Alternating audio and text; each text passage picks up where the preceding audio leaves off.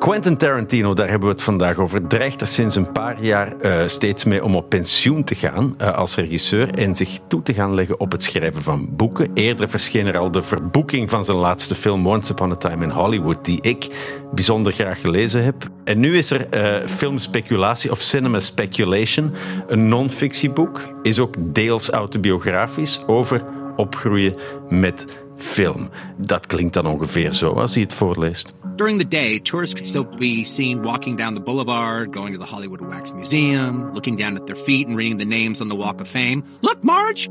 Eddie Cantor! People were drawn to Hollywood Boulevard for its world-famous theaters. The Grauman's Chinese Theater, the Egyptian, the Paramount, the Pantages, the Vogue. However, once the sun went down and the tourists went back to their holiday inns, Hollywood Boulevard was taken over by the people of the night and transformed into Hollyweird. Uh, Jonas Schovaerts, welkom. Jij bent de man waarvan ik weet dat hij even geobsedeerd is door film als Tarantino zelf, of toch bijna. Wanneer je geen langspeelfilm of videoclip aan het voorbereiden bent, kom ik je tegen op weg naar de cinema. Mm -hmm. uh, hoeveel films zie je zo per week? Uh, ik, ik uh, vul alles in op Letterboxd en ik probeer altijd de 30 dagen van de maand uh, elke, keer, elke nacht een film te zien. Dat lukt nooit, maar ik kom wel in de buurt. Wat is de eerste film, film die zich in jouw ziel heeft geboord? Die ene bliksemschicht die alles veranderde? er zijn er een paar, maar ik herinner me dat ik met mijn vader in een Antwerpse cinema naar De Beer oh, ging ja. kijken, van ja. Jean-Jacques Hano, denk ik. Ja. En een bijna ja, stille film, er wordt amper in gesproken. Een jager en een beer, daar gaat dat over. En dat was een, een zeer intense cinematische ervaring, zeker. Trouwens, deels Belgische beren heb ik later gehoord. Ah, die, de beren waren Belgisch? Jazeker. Okay. Ja, bij, ja, inderdaad. Uh, de Beer, ja, zou kunnen zeggen, toch een soort kinderfilm of een kindvriendelijke film. Mm -hmm. uh, Quentin Tarantino wordt, zo schrijft hij, door zijn ouders meegesleept naar de cinema, waar hij op jonge leeftijd wordt blootgesteld aan films die eigenlijk allerminst voor kinderen bedoeld waren. Dat vond ik heel opmerkelijk.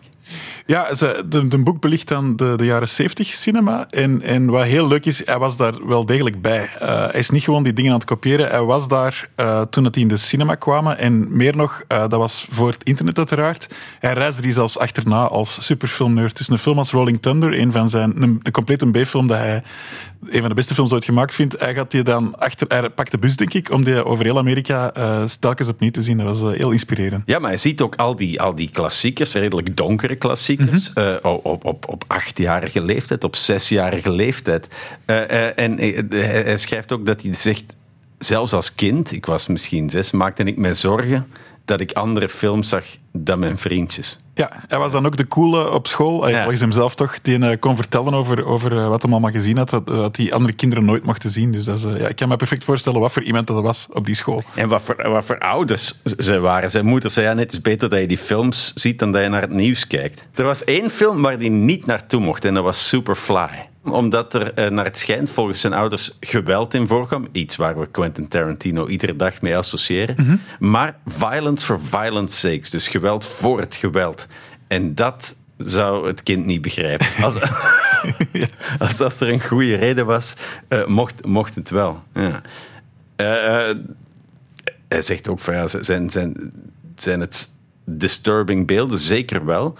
Maar zelfs als kind begreep ik ze wel. Snap je dat? Nee. ik weet niet ja, nee, hij, hij praat eigenlijk heel volwassen uh, over al die films. Hij heeft er een heel, heeft er duidelijk, hij denkt er elke dag van zijn leven over na. Dus ja, dat hoofdstuk, hem als kind, kan mij moeilijk in, inleven in, in wat dat was, omdat dat voor mij ook zo anders was. Mm -hmm. uh, maar was jij, was jij bijvoorbeeld wel heel erg onder de indruk van geweld in films? Of, of Absoluut, maar dat was, ook, dat was ook bij ons. Uh, dat was dan iets later in de videotheek. Ik weet dat uh, mijn, mijn moeder had nogal een zware job. En die um, uh, mentaal zware job. Ja, ja. En die vond dat, wij noemden dat afkicken. Dan mocht ik samen met haar in de zetel naar bijvoorbeeld um, Commando kijken met Arnold Schwarzenegger. Dat is één en al geweld. Dat is een orgie van geweld. En dat was heel gezellig. En dat of Die Hard of zo. Maar mijn vader was strenger en uh, alles met een pistool op de, op de hoes van de videotheek mocht niet uh, gehuurd worden. Uh, dus, Gelukkig kwamen die van die anonieme rode dozen. Ja, ja, ja, maar als hij mee in de videotheek stond om te kiezen, dan, dan konden we cuffs met Christian Slater niet meenemen. Ah ja, oké, oké, oké. Zijn we wat, wat, wat, jij zegt is in zekere zin wel te vergelijken met Quentin Tarantino. Weet je, met, met je moeder naar, naar mm -hmm. keiharde geweldfilms kijken. Zijn we te voorzichtig geworden uh, met waar we onze uh, kinderen eh, wel of niet aan blootstellen? Uh, ook weer, ik heb geen kinderen, dus ik weet het niet, jij wel. Ik vraag me af uh, of dat je dat zelfs kunt tegenhouden tegenwoordig. Omdat met internet heb je zo'n uh, een, een directe toegang tot al die dingen. Um, ik weet wel, wat er voor mij altijd heel angstaanjagend was, was het gebrek aan context. Ik ben een keer, uh, mijn grootouders waren mij aan het babysitten. Ik kwam uit mijn bed voor nog een glas melk of zo. en die waren uh, een film aan het zien. En het enige beeld dat ik me herinner is een jongetje wiens tanden helemaal vergroeid waren met ijzer. En dat beeld heeft echt jaren door mijn hoofd gespookt. Weet je ondertussen welke film het Ja, het heeft heel lang geduurd, maar er is een, een, een, slechte poltergeist sequel. En dat is eigenlijk, in context van die film, is dat een heel onnozel ding. Dat is een brug, uh, zijn, zijn blokjes yeah. vergroeien met, met de elektriciteit of zoiets heel dom. Maar als je niet dat verhaal mee hebt en niet die context van die film, dat is een van de gruwelijkste dingen dat ik mij kan uh, herinneren. Dus uh, context is belangrijk. Ja, context is belangrijk. En, en uh, wat ik ook wel mooi vond, is de enige film die uh, de jonge Quentin, die de ene geweldfilm na de andere seksfilm binnengelepeld kreeg, niet aankon, was Bambi. Ja, ja, ja, ja. En dat ging ook weer over context, want er was hem iets anders verkocht, namelijk een, een, een lieve... Vrolijke kinderfilm. ja, ja. Maar hij is niet de enige die natuurlijk door Bambi is getraumatiseerd. Er heeft, uh, er heeft een hele generatie, en blijft generaties traumatiseren, denk ik, uh, wat er daar met de mama van Bambi gebeurt. Ja, ja dat eindigt niet goed. Nee. Spoiler alert. uh, veel meer dan zijn generatiegenoten, vond ik ook heel interessant, voelt Tarantino zich verwant met zwart Amerika. Hij schrijft dialogen in, in slang... Uh, dat zo uit blaxploitation films zou kunnen komen. En ik weet niet of een witte debutant daar de dag van vandaag weg mee zou komen. Nee, en hij is daar ook een tijd niet mee weggekomen. Ik weet dat er, uh, ik weet niet meer welke film het was, misschien Jackie Brown of zo, dat Spike Lee bijvoorbeeld echt zei van, uh, zet het N-woord niet te veel aan het gebruiken. En ik vond dat ook altijd, ik, weet, ik herinner mij zo vrij bizarre interviews ten tijde van Kill Bill, uh, gefilmde interviews dat hem echt zo in een soort... Uh, hij zag eruit als een overjaarse Eminem in zo de, de outfits van de Wu-Tang Clan. Ja, ja, ja. Hij was daar echt zijn, zijn zwartheid aan het etaleren, die onbestaande zwartheid. Met een boek helpt dat ook wel wat kaderen. Uh, ja. Er is een heel mooi laatste hoofdstuk gewijd aan een beetje een loesje zwarte vriend van zijn moeder, Floyd. Ja.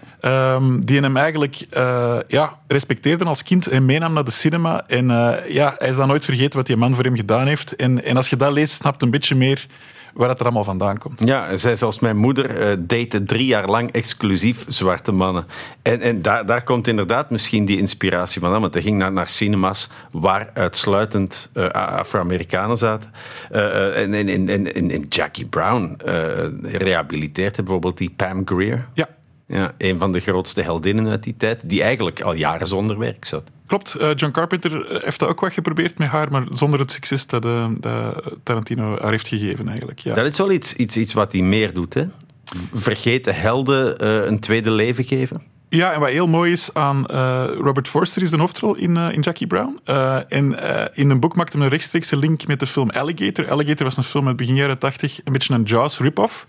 Maar uh, geschreven door John Sayles, een hele goede scenarist. En uh, wat daar heel bijzonder is, daar speelt Robert Forster als jonge man de hoofdrol.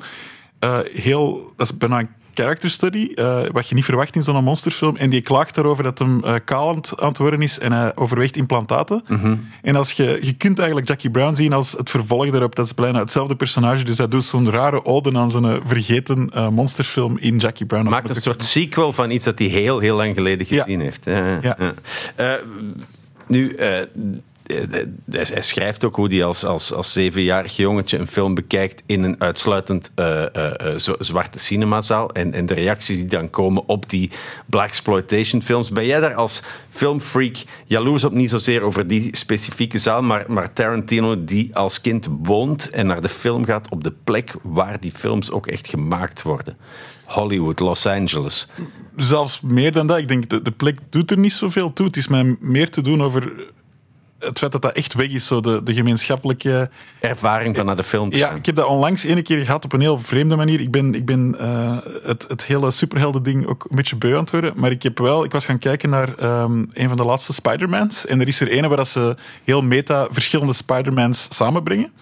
Um, en heel die zaal reageerde op elke intro van, van, een, van een oude Spider-Man. Je voelde echt iets door die zaal gaan.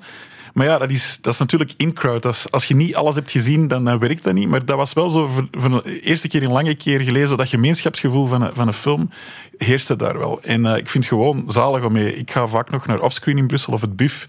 Daar, daar voelde nog wel een zweem van wat het moet geweest zijn om al die, die klassiekers in, samen te zien. Daar gaat het echt over. Want daar, en daar, daar hamert Quentin Tarantino ook op, zijn films wel voor gemaakt. Ja. Niet, niet om heel de tijd op pauze te zetten terwijl je naar de ijskast loopt. Uh, nee, ik heb, ik heb uh, drie dagen geleden, of twee dagen geleden, uh, speelden ze in Antwerpen Solaris um, van Tarkovsky. Ja. nooit gezien, ingehaald op vraag van Fokke van de Joker, die had mij uitgenodigd. En ik geloof nooit dat ik dat met die concentratie had bekeken als ik dat gewoon op mijn tv had gezien. Je, je gaat vanzelf naar je gsm helaas, of naar je iPad of naar een ander kanaal. Maar zo wat gedwongen worden om zo'n film uit te zitten op die manier, dat, is, dat doet wel iets mee. Mm -hmm. ja.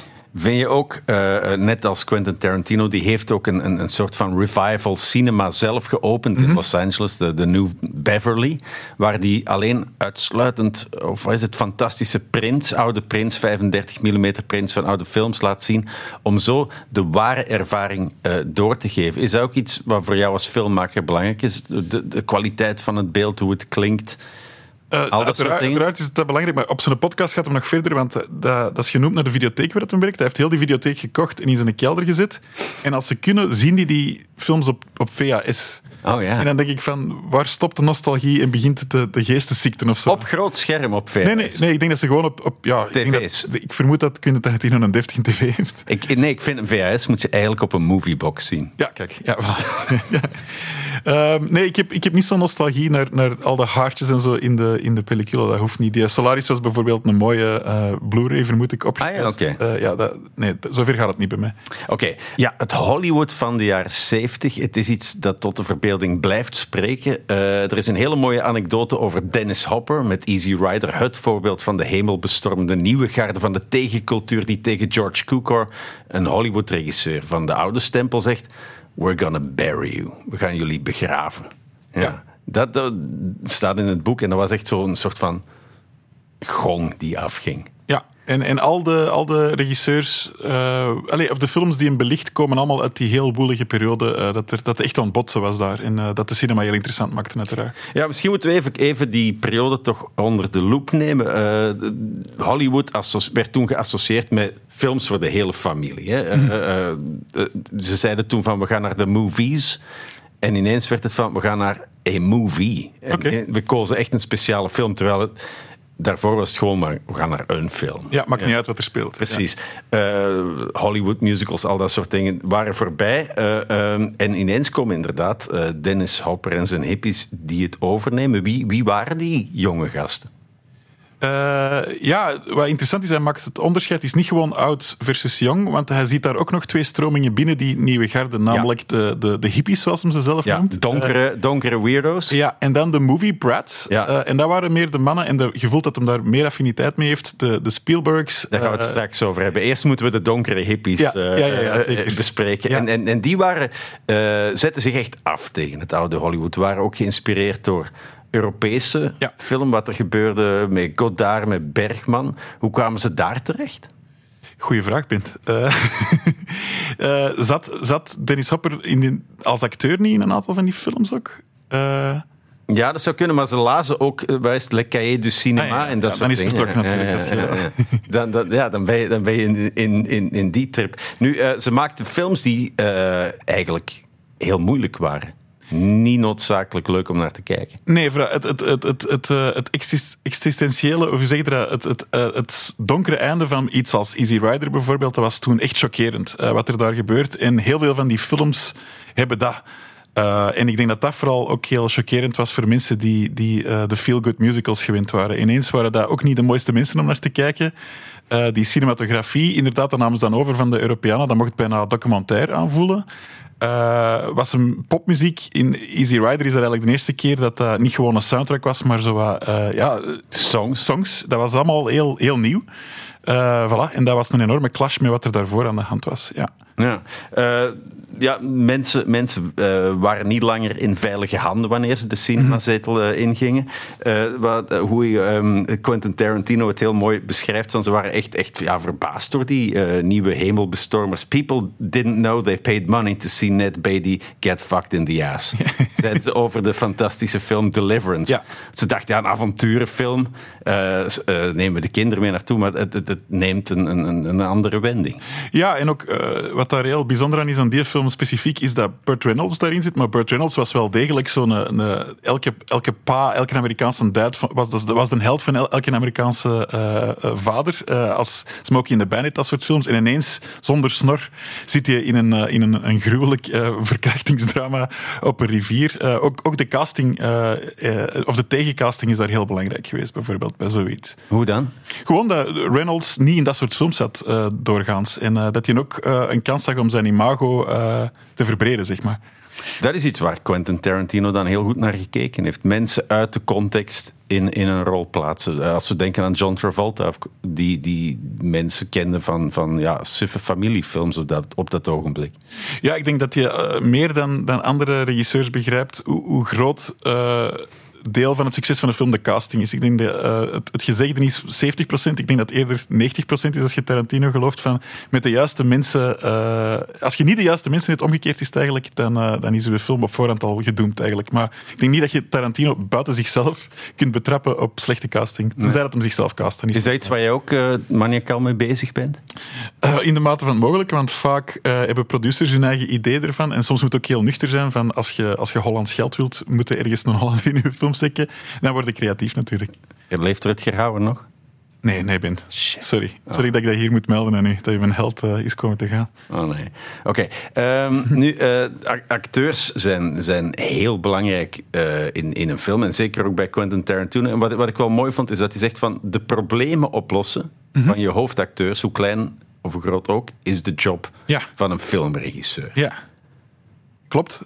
ja. je moet vooral... Um, naar elke acteur heeft zijn eigen manier van aanpakken. Er is niet één manier uh, om, om een grote cast te regisseren. Elke, dat klopt echt. En uh, een, een, collega van mij, Tim Mielans, is daar bijzonder bedreven in. Uh, daar, daar babbel ik vaak mee over specifiek dat probleem of, of die, die opgave. Hoe, hoe doe je dat? voilà. Yes. een van de leukste dingen uit het boek van, van Tarantino is alle films die hij beschrijft en de, het enthousiasme dat hij kan overbrengen in die essays. Mm -hmm. Kijk nog eens terug naar die film. Ik ja. schrijf er wel over, maar ik verklap het einde niet, want ik wil dat jullie, de lezer, vanavond uh, uh, die film herbekijkt. Ik heb deze week onder andere Bullet nog eens bekeken. Ehm, ja, een film met Steve McQueen. Gaat eigenlijk helemaal nergens over. Ik heb die ook door een boek oh, herbekeken, absoluut. Yes. En wat vond jij? Wat viel jou op? Um, ja, ook de context weer dat ik meekreeg met die boek maakte dat, dat ik er met heel andere ogen naar keek. Hoe weinig dat Steve McQueen doet en hoe, uh, hoe leuk dat, dat is, hoe weinig dat hij doet. Ja, de film hangt louter op aan de camerabewegingen die fantastisch zijn, bij die, bij die car chases mm -hmm. enzovoort. En het bijna snijdbare charisma van, van McQueen. Ja, en ook dat hem, dat hem heel eerlijk zegt, Tarantino, van het verhaal doet er niet toe. En letterlijk, je vergeet dat plot van zodra die film gedaan is, maar je riekt nog wel het verbrand rubber van die auto-achtervolging. Dat is uh, puur cinema eigenlijk. Mm. En die, die, die McQueen kun je ook bijna geen acteur noemen. Hij zag zichzelf ook eerder als een filmster dan als een acteur. Maar dan wel heel slim, uh, voor, het meeste, voor de meeste gevallen heel slim kiezen in wat voor films dat hem dan opduikt, waar dat bij dat niks doen uh, iets heel cool wordt. Zoals in Bullet. Ja. Dat is waar, maar ik koos ook niet zelf waar die in speelde. Dat vond ik ook interessant. Dat zijn vrouw. Ali McGraw uh, ja. koos ook heel slim mee. Ja, absoluut. Ja. Hij was zich heel goed bewust van wie hij was en wat hij kon en vooral ook wat hij liever niet deed. En dat was het lezen van scripts. Ja, ja ik vond hem helemaal niet leuk. Nee, inderdaad. Ik had eerst gelezen dat hij een miljoen dollar vroeg om zelfs maar een script te beginnen lezen. Ja, ja. dan kunnen we beter zeker McQueen in uw film willen. Als je dat ja. Eh, bijzonder, bijzonder stoer. Uh, Bullet, en dat viel mij ook al op, is echt een ongelooflijke actiefilm. Mm -hmm. Iets wat op dat ogenblik nog geen genre was echt. Vooral eh, de, de flikkenfilm was toen een heel duf gegeven. Als je Tarantino geeft daar heel mooi context vooral van. Dat waren altijd dezelfde acteurs, altijd dezelfde bijrolacteurs en altijd min of meer hetzelfde plot.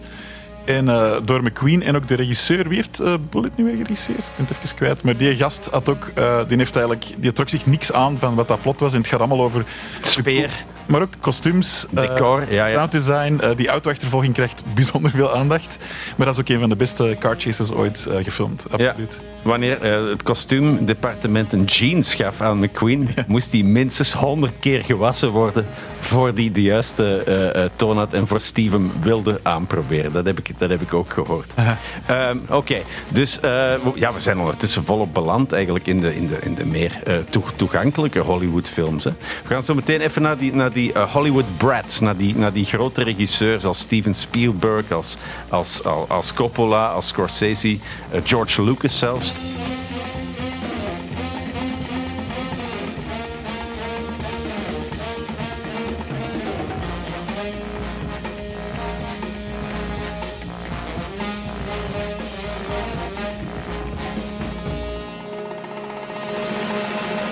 The Movie Brad, Spielberg, Coppola, De Palma, Scorsese, George Lucas, Paul Schrader, Peter Bogdanovich. Namen eh, die we allemaal kennen van films die we allemaal nog veel beter kennen.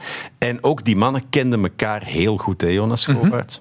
Ja, eh Schrader en, en Scorsese kunnen al niet los van elkaar, denk je. Eh, de twee krachten achter, achter Taxi Driver. Maar door een boek te lezen besef ik ook hoeveel dat Schrader een beetje de geheime kracht was in die tijd. Hij heeft veel meer eh, dingen gedaan ehm, dan dat ik dacht. En wist vooral, ja. Ja, want wat, wat schreef en regisseerde die allemaal? Eh, wij, eh, schreef meer dat hem dan regisseerde. Eh, wat heeft hij geregisseerd? American Gigolo, maar dan zitten we al in de, in de jaren tachtig. Ehm, Blue Collar, ik weet niet of hij heeft... Hardcore? Ja, Hardcore is, is een Schrader eh, regie en, en scenario. Ja, Taxi daar- Driver inderdaad. Ja. De, de boxfilm met De Niro, ehm, Raging Bull. Ah ja, kijk. Ja, ja, echt eh, allemaal, allemaal ongelooflijke films. Eh, Ook de uitvinder van, volgens hemzelf, van het genre God's Lonely Man. Eh, en hij maakt nog, Schrader maakt nog films. Ja, ja, ja. Eh, vorig jaar was er nog een zelfs, denk ik. En dat is, die maakt nog altijd God's Lonely Man films, eigenlijk. Ja. En hoe omschrijft hij, hoe ziet dat eruit? Ik denk, eh, Travis Bickle is daar een heel mooi voorbeeld van. Eh, Een één one army tegen de, een one-man army tegen de wereld. Ja. En, en ook wat je, als je een boek leest, snapt dat dat eigenlijk een, een bijna een western-icoon is waar, dat, waar er mee gespeeld wordt. Ja, eh, een wra- wraakfantasie, ook iets dat heel vaak terugkomt bij, bij Tarantino. Ja. Hij noemt dat de, de Revenge-O-Matic. Eh, ja, dat is, dat is specifiek genre. En dat is eigenlijk zijn... eh, ik vind hem op zijn sterkst ook als hem daarmee speelt, met de, met de regels van de Revenge-O-Matic zelf. Ja. Ja, hij maakt, die Schrader maakt toch echt films die het Amerika van toen definiëren in al zijn duistere intensiteit, nee? Absoluut, maar je merkt ook als hem zelf mag regisseren of, of kan regisseren, gaat hem toch nog een stapje verder. Terwijl voor veel mensen is, is Taxi Driver een ongelooflijk harde film. Maar als je de boek van Tarantino leest, snapte dat daar heel veel compromissen gesloten worden. Bijvoorbeeld het eh, personage van eh, Harvey Keitel, de pooier, was in het scenario een zwarte man. Ja. En op eh, vraag van de studio, eh, ja, gedwongen door de studio, is dat dan Harvey Keitel geworden. En, en eh, Tarantino lacht ermee van de, de mythische witte pooier. eh, Bestaat niet? Nee, Keitel wou gaan babbelen met zo iemand als research. Hij Met vond het er geen-. Ja, hij vond, Nee. hij vond er geen. Dat, is, dat was inderdaad goed. Nu, inderdaad, die Taxi Driver. Mhm. uiteindelijk is die geregisseerd door Scorsese. Maar die was bijna geregisseerd door De Palma. En het boek van Tarantino heet Speculatieve Cinema. Ja. En dan maakt hij ook een, een, een beetje een, een gewoonte van in het boek om, om een wat-als verhaal te schrijven. Wat als Brian De Palma inderdaad Taxi Driver geregisseerd had. En dan zou je een heel andere film hebben. Ja, ik denk, ik denk dat dat ook mijn lievelingshoofdstuk is in een boek. Ehm, ook omdat dat is het, het moment waar je echt Tarantino... In dat zou een monoloog uit zijn film kunnen zijn. Want hij, doet, hij steekt er een fantasie af over... De Palma zou dat zo doen, de camera zou dat doen. Hij zou die mensen gecast hebben. En ineens eh, ja, zit er naast hem eh, aan een bar eh, over film te, te lullen. Meer dan bij zijn recensies, vind ik. Dus dat is een heel, heel fijn hoofdstuk. Absoluut. Ja, je, je merkt ook dat ja, niet alleen Schrader en, en Scorsese en De Palma elkaar goed kennen, maar, maar bijvoorbeeld ook George Lucas, een heel belangrijk figuur, was ook heel veel mensen gesteund heeft. Coppola ook. Eh, ja, maar, maar hij, hij ziet Coppola en Lucas, en dat, dat is ook gewoon zo als een beetje tussenfiguren die eigenlijk begonnen zijn bij die meer hippie-achtige figuren, die eigenlijk eh, arthouse, echt Europese Europees-achtige arthouse maakten. Maar dan, ironisch genoeg, is George Lucas natuurlijk de, de grootste movie brat van hen allemaal geworden, dankzij Star Wars. Maar die zijn eerste films waren best experimentele eh, ja, arthouse Ja, films. Eh, ja. Raar hè, dat, dat, dat die een soort van de, de knuffelopa van Amerika geworden is. Ja, En, en Coppola is nu op late leeftijd gaat terug de andere richting uit. Wat Ja. ik dan ook heel mooi vind. Die eh, al zijn spaargeld, eh, en dat is wel wat in zijn geval, eh, in zijn nieuwe film Megalopolis heeft gestoken. Wat weer klinkt als, als een enorm experimenteel gedurfd project. Dus ik ben blij dat die mensen ook nog onder ons zijn en zo eh, risico's durven nemen. Ja, want dat is waar, waar, waar het ook over gaat in dat boek. hè. De rare beslissingen die mensen maken. Het, gaat, het, gaat, het gaat niet over Apocalypse Now in detail, maar dat was wel de ultieme waanzin. Als we Ja. het over Coppola hebben. Ja, ja, ja, ja. maar eh, eh, ik denk niet dat hem zelf zo'n Coppola-fan is. Het is grappig waar het hem, waar het hem dan wel tijd, tijd aan besteedt. Bijvoorbeeld, eh, het gaat dan over Dead Wish of over Rolling Thunder, een film dat ik ook alleen maar ken omdat Tarantino die zo fantastisch vindt. Heb je hem ooit gezien, Rolling Thunder? Ja, heb ik toen ook opgezocht, toen dat hem daar in het begin over, over babbelde. Ik heb zo'n paar films dat ik niet gezien Bijvoorbeeld Joe is een film dat hem ook belicht. Klopt.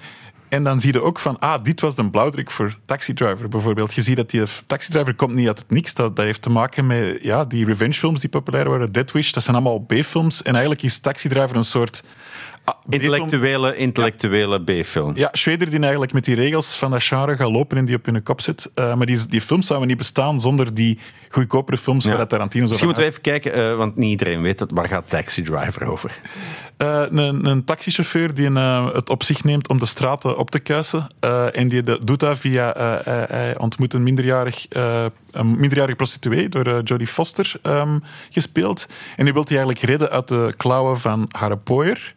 Maar je merkt dat... eh, als je, ja, God's Lonely Man, het is ook maar een excuus om mensen omver te mogen knallen. Eh, het is echt niet een held dat hem denkt dat hem zelf is, Robert De Niro in die film. Hm. Ik, heb, ik, ik las ook dat, dat eh, die hele Taxi Driver, maar ook Hardcore en, en heel veel andere films waar eh Schrader en, en, en al die gasten mee te maken hadden, toch gebaseerd was op een van die, al, van die oude helden uit Hollywood. John Ford, de, de meester van de western. Ja. Eh, dus The Searchers. Ja. Dat, dat vond ik een heel interessante zijpiste. Ja.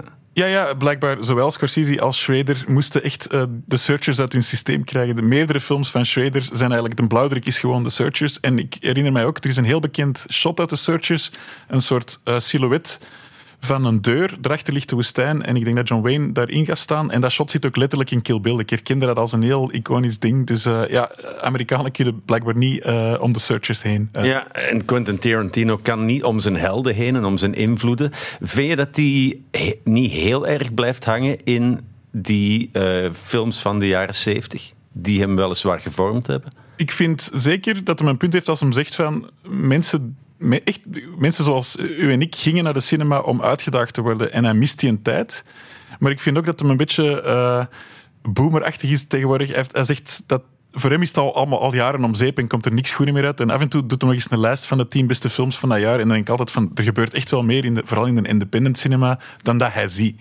Dus ik, ik snap dat hem Want zijn... waar is zijn blinde vlek als, als, als filmnerd voor jou?